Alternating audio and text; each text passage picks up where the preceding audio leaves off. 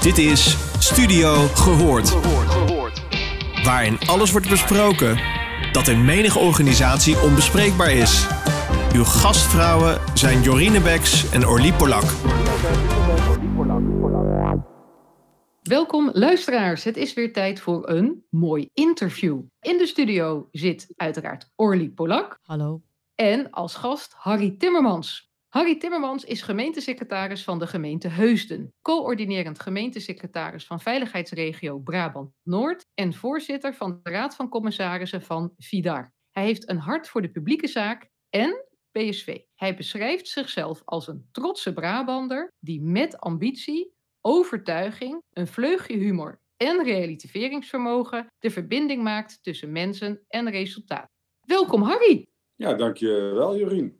Leuk bij jullie eh, te gast mogen zijn. Ja, wij zijn ontzettend blij met jou ook natuurlijk in de studio. En we zijn ook nieuwsgierig. We hebben al een voorgesprek gehad. Dus om eens met een andere vraag te beginnen dan heel keurig. Wat is je beroep en zo? En wat doe je allemaal? Laten we direct erin gaan met... Wat is nou de grootste blooper die je durft en kunt delen... waar je veel van hebt geleerd in je hele carrière en diversiteit van functies? De grootste blooper. Ik zeg altijd dat mijn, mijn carrière eigenlijk een aaneenschakeling is van, van fouten maken. Maar zolang je maar meer leert van de fouten dan dat je ze herhaalt, dan, dan kom je wel een eind verder. Dus ik zou niet willen zeggen dat mijn werkzame leven een aaneenschakeling is van bloopers. Maar ik vind dat fouten eigenlijk een onderdeel zijn van je normale werk. Dus ik heb daar niet zo'n hele grote focus op. Ik heb wel heel veel momenten denk ik, goh, daar heb ik echt iets van geleerd. Eentje die toch nog wel schuurt, ook in relatie tot waar in het huidige tijdsgevricht is, waarin humor ook wel een beetje onder een vergrootglas ligt van wat kan en wat kan niet. Hè? Ook naar aanleiding van allerlei zaken rondom eh, wat is grensoverschrijdend of niet. Vijftiental jaar geleden heb ik ooit op een vrijdagmiddag in een vlaag vermeende humor keer een PowerPoint-presentatie doorgestuurd naar een aantal vrouwelijke collega's. Waarin stond van een instructie voor pinnen vanuit de auto. En dan had je een mannelijke variant en je had een vrouwelijke variant. En die mannelijke variant was: parkeer je auto zo dicht mogelijk tegen de pinautomaat, doe het raampje omlaag, steek je pas in je pincode, het gewenste bedrag en rij weer door. Nou, dan ging je vervolgens natuurlijk kijken naar die vrouwelijke variant. Toen was daar, uh, ja, rij je auto naar de, pinautomaat, zet hem eens achteruit, steek hem terug, doe het nog een keer. Nou, eigenlijk heel flauw, waarbij de boodschap was: vrouwen kunnen niet auto. En ik dacht in mijn onschuld op vrijdagmiddag, dat kan ik wel maken om dat door te sturen naar een aantal vrouwelijke collega's met de bijschrift Fijn weekend allemaal, groetjes Harry. Van de 15 vrouwen die dat kregen, waren er ook 14 die daar aansloegen van, goh, jij ook fijn weekend, haha, lol.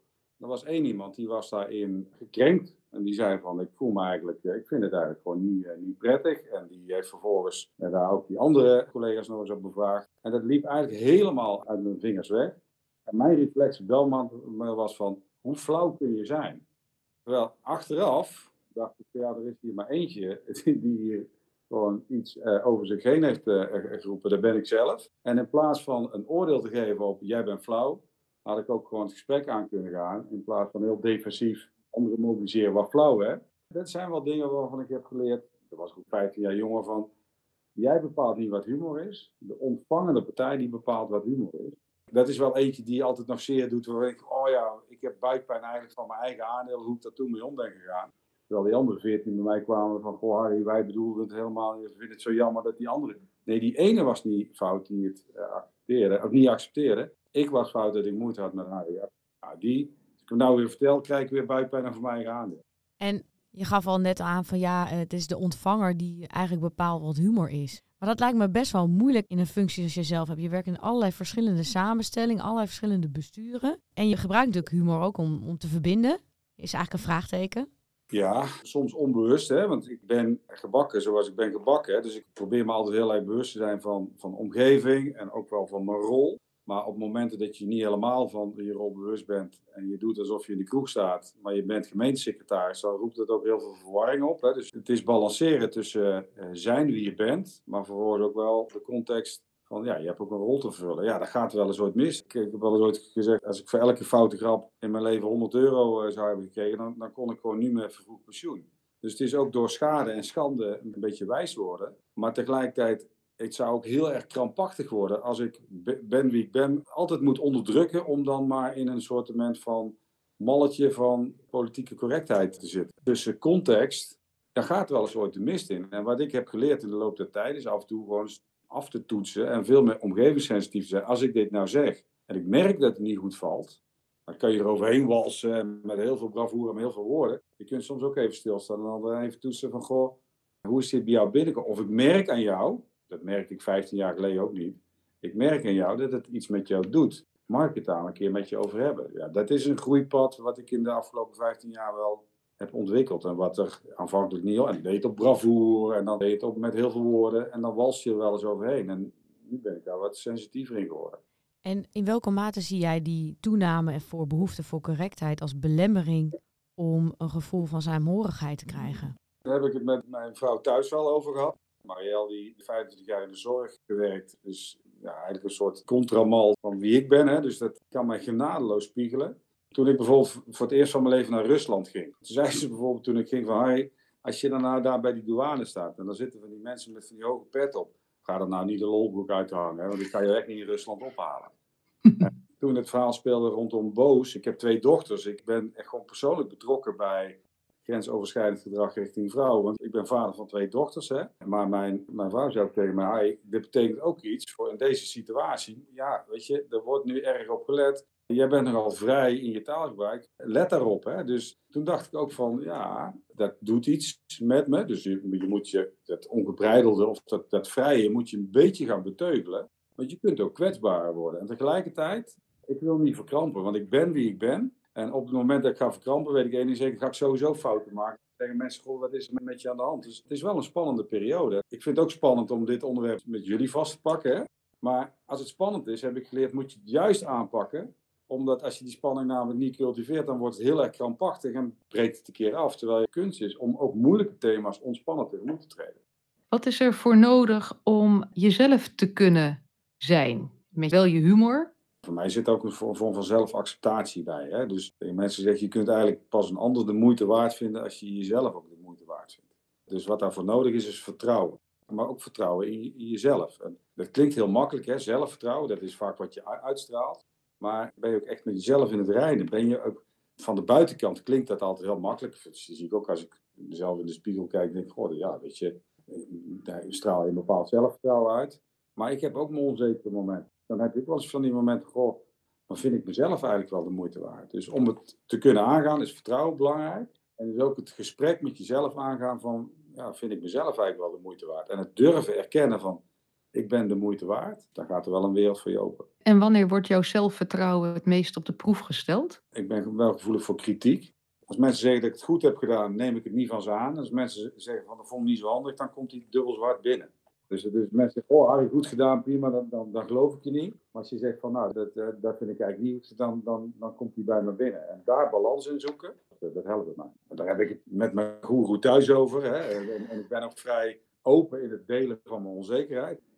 Ja, maar ik kan me ook voorstellen, in je rol als gemeentesecretaris, dan heb je wel te maken met verschillende belangen. Dus ik kan me voorstellen, maar dat kun je beter uitleggen, zo zijn dat de een vindt dat je iets goed hebt gedaan en de ander vindt dat je het beter had moeten doen. Zijn dat ook padstellingen waar je tegenaan loopt of, of, of dilemma's en hoe ga je daarmee om? In mijn praktijk eigenlijk niet zo. Hè? Dus, dus als het gaat over kritiek, zit het bijna nooit op de inhoud. Uh, dus het is nooit zo van, want ons werk heeft natuurlijk een inhoudscomponent. Maar als mensen persoonlijk teleurgesteld zijn in mij, dat vind ik heel erg moeilijk. In de zin van, ik wil aardig gevonden worden, ik wil de moeite waard gevonden worden persoonlijk teleurgesteld zit nooit in een fout advies. Of je hebt niet hard genoeg gewerkt. Maar meer in van als mensen het idee hebben dat ze in de steek gelaten zijn. Of dat ik er niet voor ze was op het moment dat het voor hun belangrijk was. Gisteren had ik een gesprek met een van onze collega's. En daar had ik het signaal van gekregen via zijn leidinggevende. Dat hij heel erg teleurgesteld was over het feit dat hij niks had gehoord van leiding, college en directie. Eh, naar aanleiding van het overlijden van zijn moeder. Dus we gaan praten op saamhorigheid en samen teamheusden. En hoe kon het nou zo zijn dat ik dan niks van jou gehoord heb? Het signaal kreeg ik binnen. Ik kreeg daar gewoon spontaan. Ja, dat, voel je dan, hè, alsof ze bij je, bij je strop pakken. Dan is iemand persoonlijk in jou teleurgesteld. En die zegt, ik ben niet congruent geweest met wat je zegt te zijn en wat je hebt ervaren. Dat vond ik dan echt heel erg pijnlijk. Die kritiek, dat mensen persoonlijk teleurgesteld zijn en ik voel het ook nog als, ja, daar heeft hij ook nog een punt. Dan raakt dat mijn zelfvertrouwen. Wat ik heb gedaan daarbij is overigens meteen een afspraak. Ik laat we koffie drinken. Ik heb ook uitgelegd dat als ik het had geweten, dan had ik er ook zeker op geacteerd. Maar ik wist het in dit geval niet. Ik ben er echt van overtuigd. Vertrouw mij, als ik dat geweten dat ik het wel had gedaan. En daar rolde een heel mooi gesprek uit. Over afscheid nemen van het leven, hoe dat is gegaan, wat de impact is voor hem. Dus er rolde een waardevol gesprek uit. Ik was niet beledigd over het signaal van ja, dat kon ik toch niet weten hoe had ik dat moeten doen. Nee, daar had ik inmiddels van geleerd in de loop der jaren. Ik ben binding aangegaan. Ik heb gewoon gevraagd, wat deed jij nou zoveel zeer? En geïncasseerd. Ik wilde ook even teruggaan eigenlijk gewoon naar, naar je werkcontext en naar je rol als uh, voorzitter van commissarissen en uh, je rol als gemeentesecretaris. Want we hebben het gehad eigenlijk over um, dat je niet krampachtig in je rol moet zitten. We hebben het over gehad over vertrouwen. Hoe belangrijk dat is om uh, niet alleen om jezelf te zijn, want daar heb je natuurlijk over verteld. Maar ik kan me ook heel goed voorstellen dat het heel belangrijk is om waardevolle beslissingen te nemen. Kun je daar eens iets over vertellen? Hoe ga jij om met vertrouwen in, in je werksituaties? Dat is geen blind vertrouwen, hè? want vertrouwen komt natuurlijk ook in, eh, in, verschillende vormen. Er zijn mensen die zeggen vertrouwen is goed, en contro maar controle is beter. Daar geloof ik niet in. Ik geloof dat vertrouwen goed is en op een bepaalde manier controle ook. Dus dit sluit elkaar niet, uh, niet uit. Ik geloof heel erg in slim vertrouwen.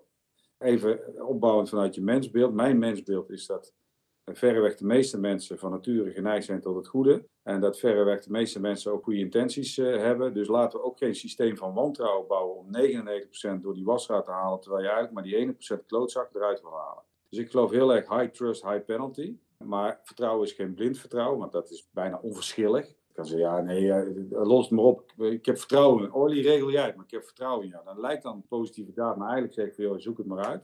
En het kan iets roekeloos hebben. Kijk, je gaat ook niet met een blinddoek de snelweg oversteken. Je kijkt wel om je heen, dus dat doe je slim. Het begint met vertrouwen. Het begint met vertrouwen geven. Dus het is niet zo van dat je vertrouwen moet winnen. Ik ga er altijd vanuit dat de ander te vertrouwen is tot het tegendeel is bewezen. Nou, dat is een bepaalde mindset, waardoor je onbevangen mensen tegemoet kunt treden, nieuwsgierig mensen tegemoet kunt treden.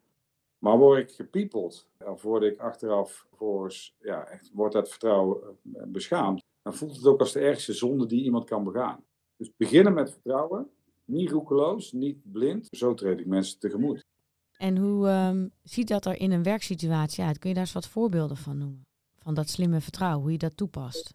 Heel plat, bijvoorbeeld discussies die we wel eens gehad hebben over maaltijdvoeding. Wij, wij zijn overheid, dus we protocoleren alles wat in de plinten. We hebben nog net geen protocol naar het toilet gaan, bij wijze van spreken. Dus we hebben heel veel bureaucratie. En een van die dingen die voorbij kwam was bijvoorbeeld een regeling ten aanzien van maaltijdvoeding. Dus dan werd heel erg uitgesplit. Als jij moet eten en dan moet s'avonds werken, dan, dan gelden daar bepaalde vergoedingen voor, bepaalde raamtijden, wat is meer zijn. Zeg, als we nou eens gewoon die hele regeling afschaffen en zeggen dat als jij s'avonds voor de zaak moet werken, dan vinden we het belangrijk dat je goed doorvoed bent. En de kosten die je maakt voor eten, die brengen bij ons in rekening. En we zeggen er wel één ding bij, en denk daarbij ook wel aan het belang van de gemeente. Denk je nou echt dat mensen dan allemaal naar Johnny Boer met een drie-sterren restaurant gaan en met een, met een ding van 250 euro terugkomen? Nee, helemaal niet. Maar als er nu 16 euro staat en het is op dat moment gewoon een keer leuk om een keer, doe eens gek, we maken er 17 euro van, dan wil ik geen gezeik over rechtmatigheid. Dan vind ik dat we ons gezond verstand moeten gebruiken. En durf ik erop te vertrouwen dat mensen er geen misbruik van maken. Nou, zoiets, bijvoorbeeld zoiets kleins. En hoe zit dat eigenlijk als voorzitter van de Raad van Commissarissen? Waar dit een heel hot thema is, vertrouwen.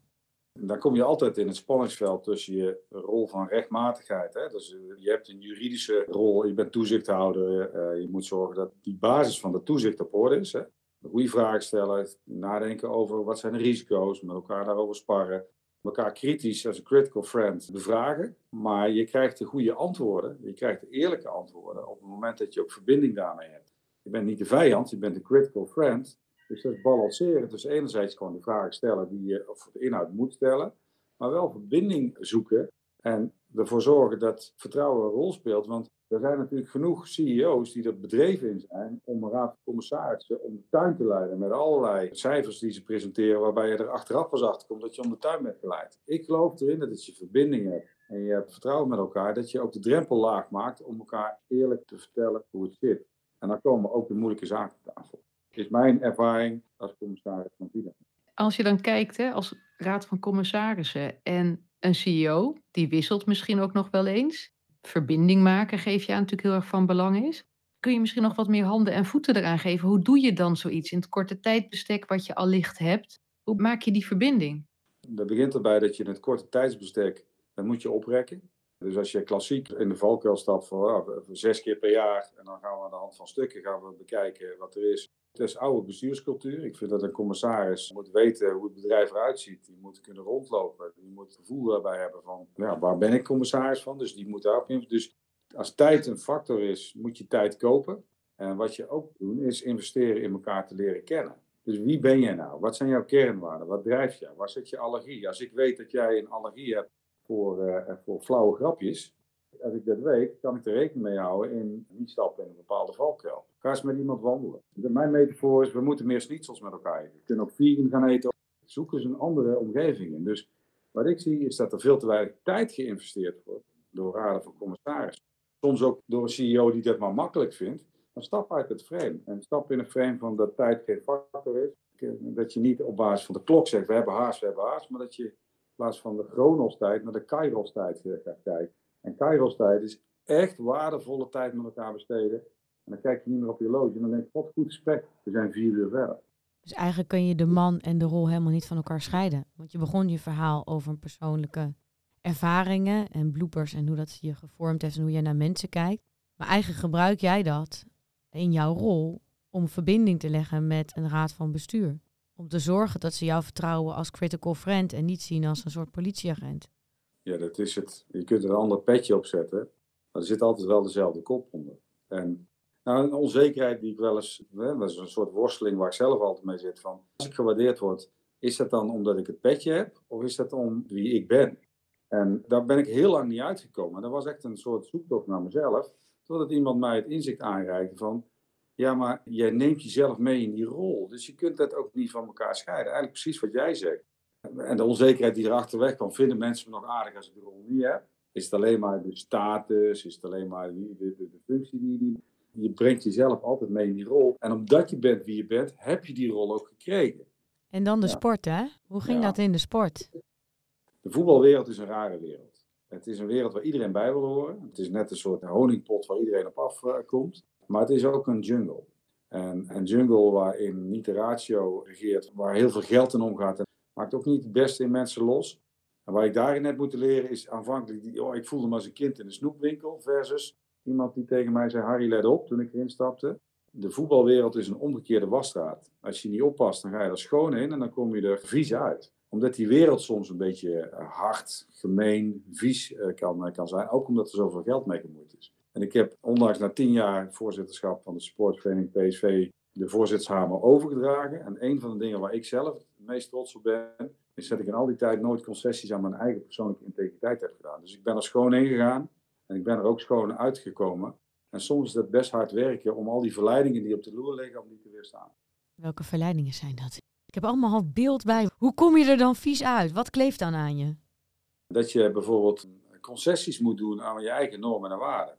Kijk, voetbal wordt ook vaak geassocieerd met de uitwassen, met geweld en met wat iets meer zijn. Dus dat je bijvoorbeeld onder druk van bijvoorbeeld de harde kern een bepaald gedrag eh, goed gaat praten, wat eigenlijk niet goed te praten is. Als je in zo'n functie zit, hoor je heel veel dingen van binnen zo'n club wat er speelt. Je hoort bijvoorbeeld bij ontslag van een trainer, word je soms ook meegenomen in wat nou de echte beweegredenen waren waar het niet meer ging. Dat was niet altijd het verhaal wat één op één in de krant terecht kwam. Maar daarmee had jij wel heel veel informatie die anderen niet hadden. Uh, en dat is aan de ene kant, god, dat is interessant. Hè? En dan zou je wel eens in de verleiding kunnen zijn om die informatie vanuit een soort, god, kijk mij nou eens interessant zijn, om die te delen. Terwijl je juist dan je bevraagd wordt op je waarde van je moet je muil houden in het belang en het hoger belang van die club. Dus discretie, integriteit op momenten dat het van jou gevraagd wordt. Nou, dan ligt de verleiding best op de loer als jij een beetje op een feestje interessant staat te doen. Of je wordt gebeld door een journalist van, goh, vertel eens Harry.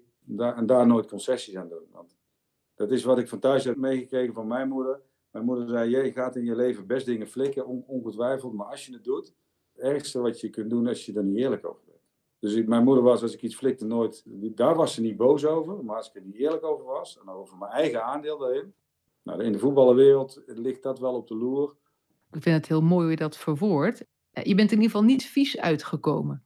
In het voorgesprek zei je wel iets over krassen die zijn ontstaan. En kun je daar iets over toelichten? De krassen en deuken, wat een hele zware, uh, maar beladen periode was, was de een keer dat PSV op verplaatsing ging naar Madrid. dat op een plein in Madrid supporters bij elkaar kwamen. Daar kwamen ook een aantal bedelaars op af. En op een gegeven moment die interactie tussen supporters en bedelaars, die liep helemaal uit de hand. In die zin dat supporters ervoeren dat gedrag als irritant, van heb je ze weer.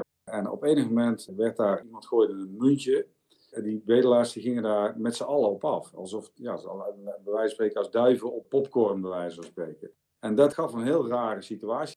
En toen werden er in korte tijd werden er meer muntjes gegooid. En dat had een ontzettend lelijk beeld naar buiten toe. En dat werd ook onmiddellijk naar buiten toe geframed als eh, PSV-supporters vernederen bedelaars.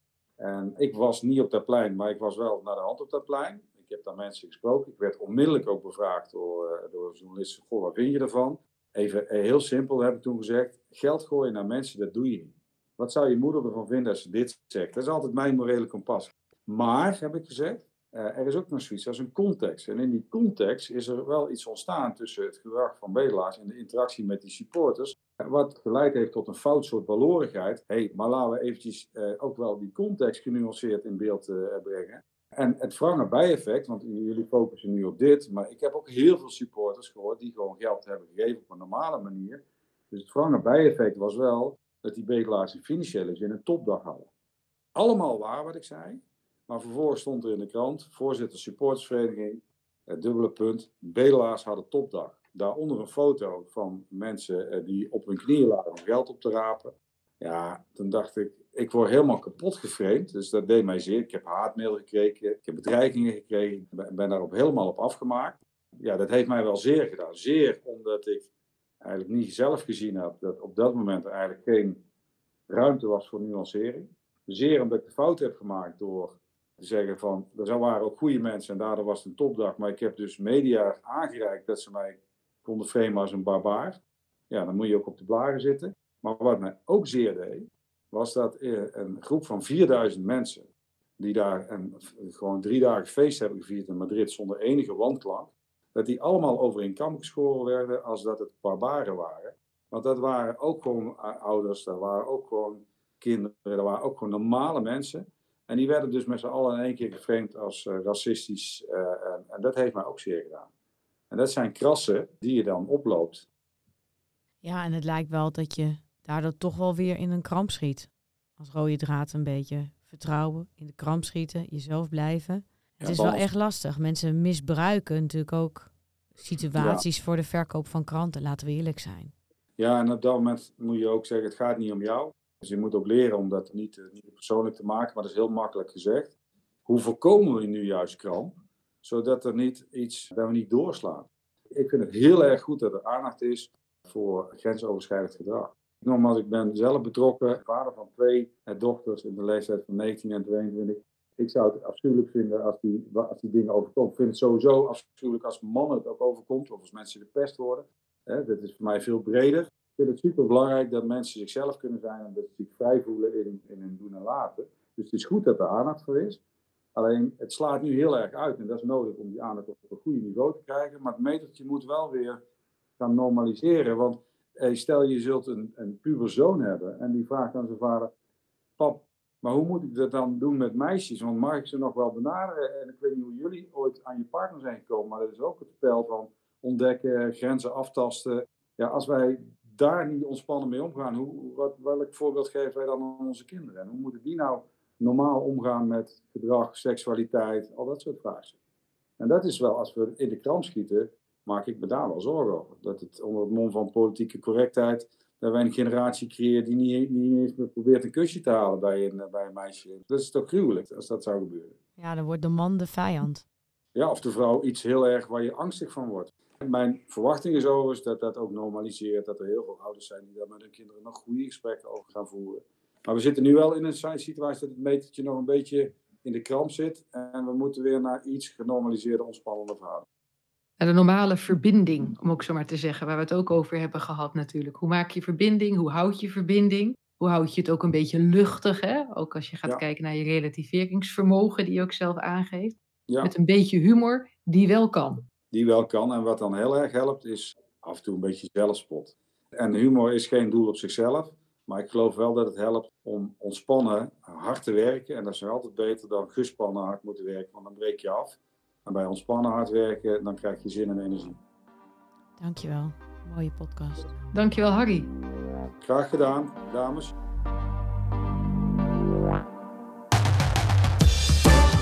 Je luisterde naar Studio Gehoord. Vond je dit een leuke podcast? Laat dan een review achter bij jouw favoriete podcastplatform. Tot de volgende!